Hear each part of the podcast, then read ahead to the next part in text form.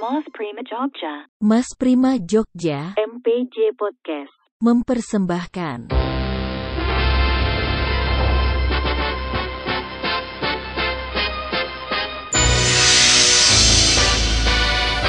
Tiga puluh hari bersuara 2022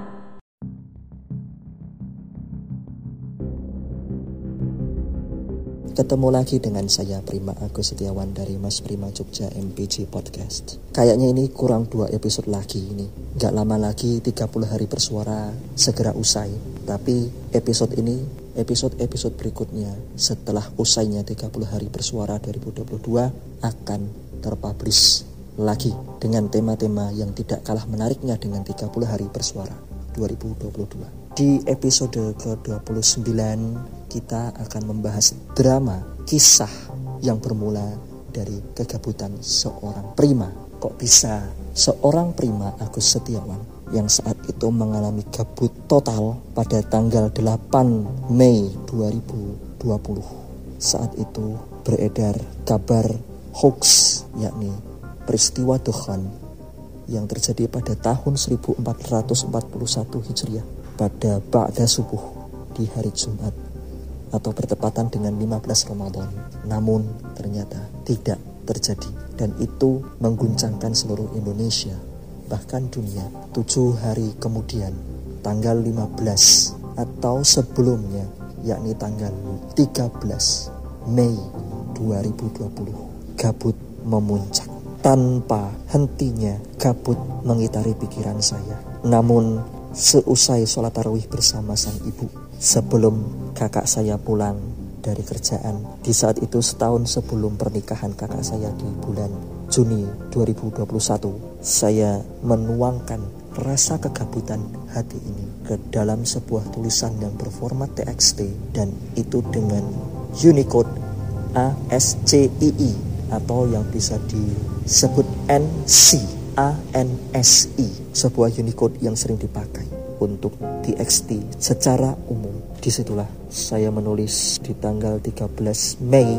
kisah seorang tunanetra low vision, seorang da'i, seorang presenter terkenal, seorang vokalis grup band nasyid, sekaligus juga seorang podcaster dan seorang penyiar radio, salah satu radio muslim yang ada di wilayahnya di mana si tokoh utama tersebut lahir di dunia.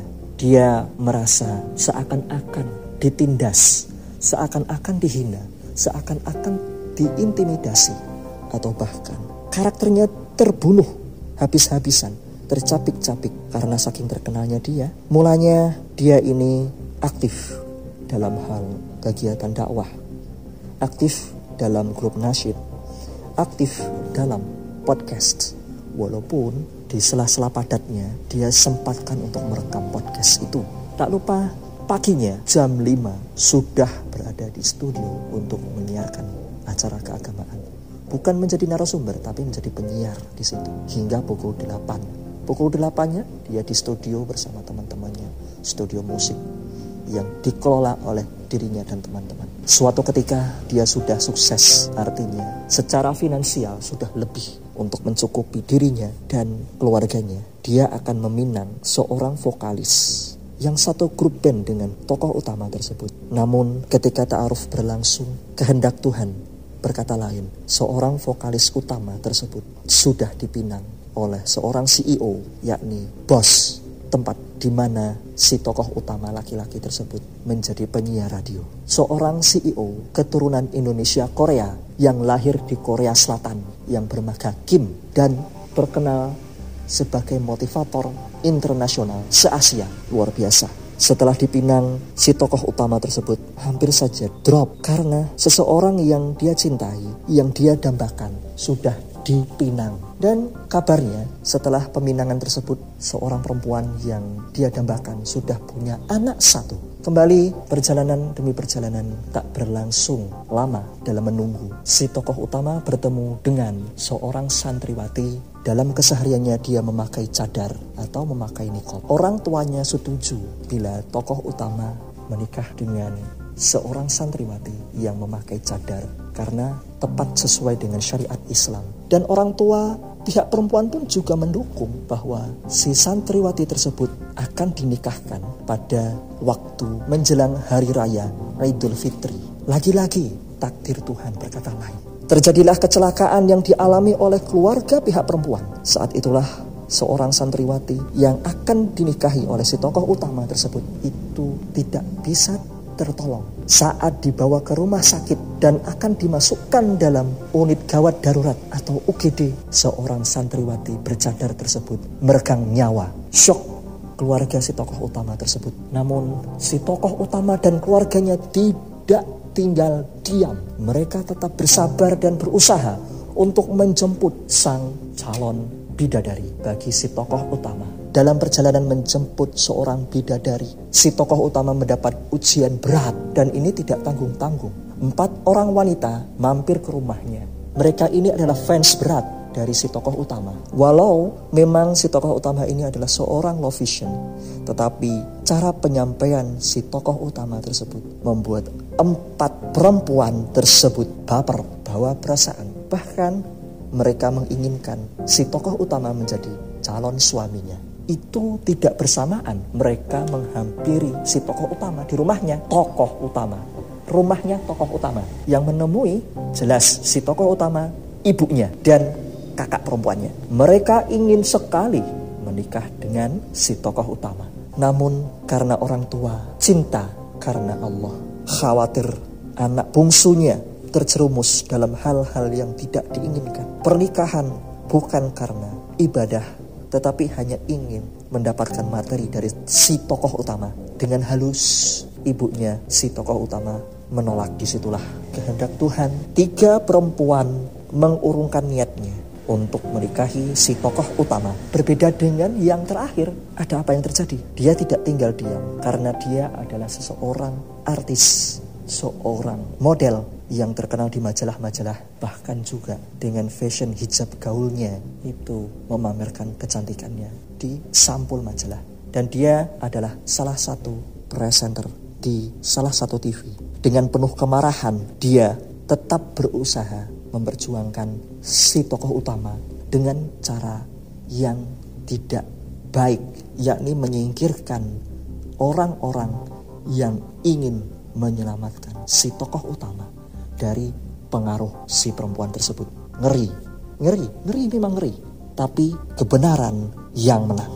Enam kali si tokoh utama gagal hingga suatu peristiwa setelah si tokoh utama itu pulang menjadi presenter atau menjadi MC di salah satu kajian di sekolah SMA tempat dia sekolah dulu di dekat salah satu masjid yang tidak jauh dari sekolah si tokoh utama tersebut mendapati tamu empat orang takmir masjid di mana mereka faham dengan si tokoh utama. Salah satunya adalah seseorang ustadz yang itu memang akrab dengan si tokoh utama. Tokoh utama tersebut menerima keempat orang takmir sehabis tarawih dan membawa salah satu map atau stop map yang berisi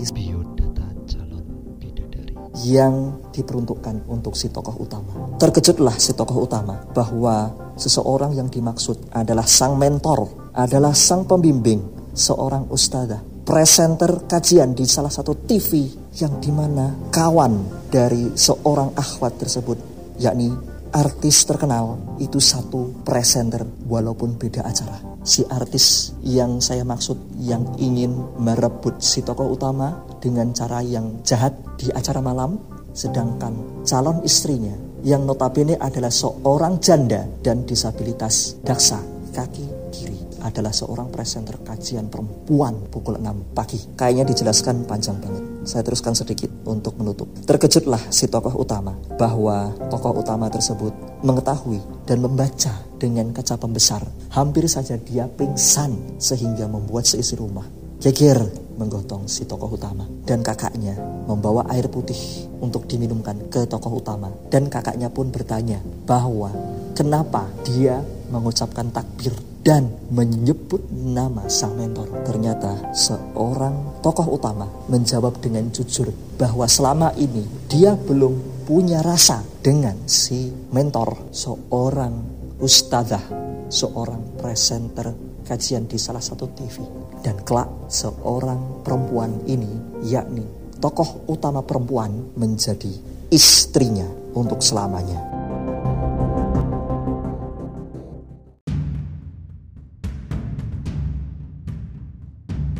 Tokoh-tokoh yang dimaksud dalam kisah ini adalah Firman Ali Syaifuddin, tokoh utama, putra kedua dari Omar Syaifuddin dan Hanifah, Komariah atau Lailatul Komariah Syaifuddin, putra pertama dari Omar Syaifuddin dan Hanifah. Lalu salah satu ustadz yang berperan bersama tiga orang rekan sesama takmir masjid yang akrab dengan firman adalah Ustadz Farid Abdul Hadi di mana dari beliau yang mempertemukan Firman dengan si Akhwat yang notabene adalah seorang janda dan disabilitas fisik kaki kiri. Lalu dari yang perempuan yakni Jihan Aska Jelita, calon istri dan itu dihitbah oleh seorang motivator internasional se-Asia yakni Kim Fadli atau Fadli Kim, seorang CEO salah satu radio di mana Firman Ali Syaifuddin bekerja dan berdakwah melalui penyiaran. Lalu Orwah Fauziyah, seorang santri bercadar dan itu sudah almarhumah ketika terjadi kecelakaan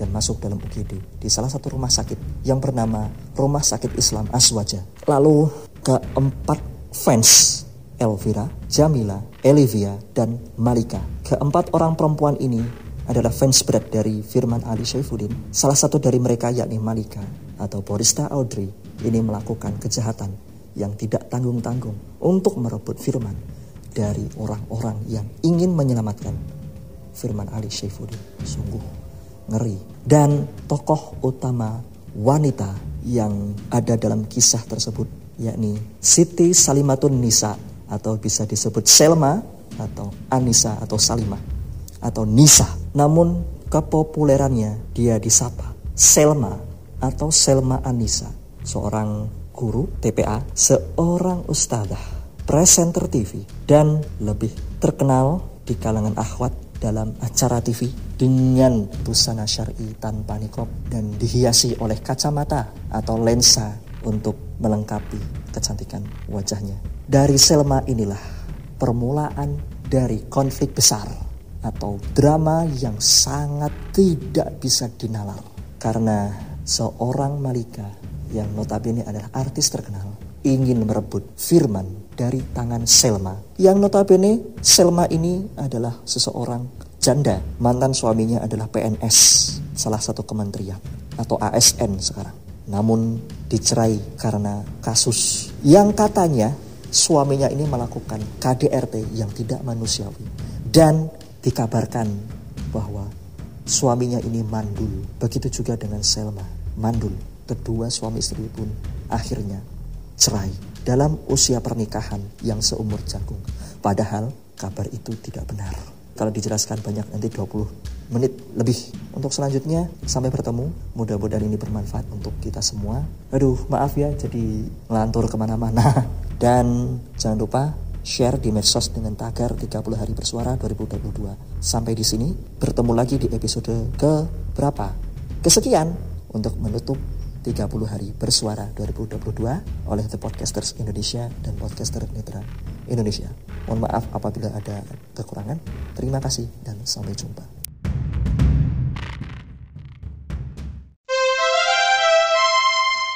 Moth Prima Jogja.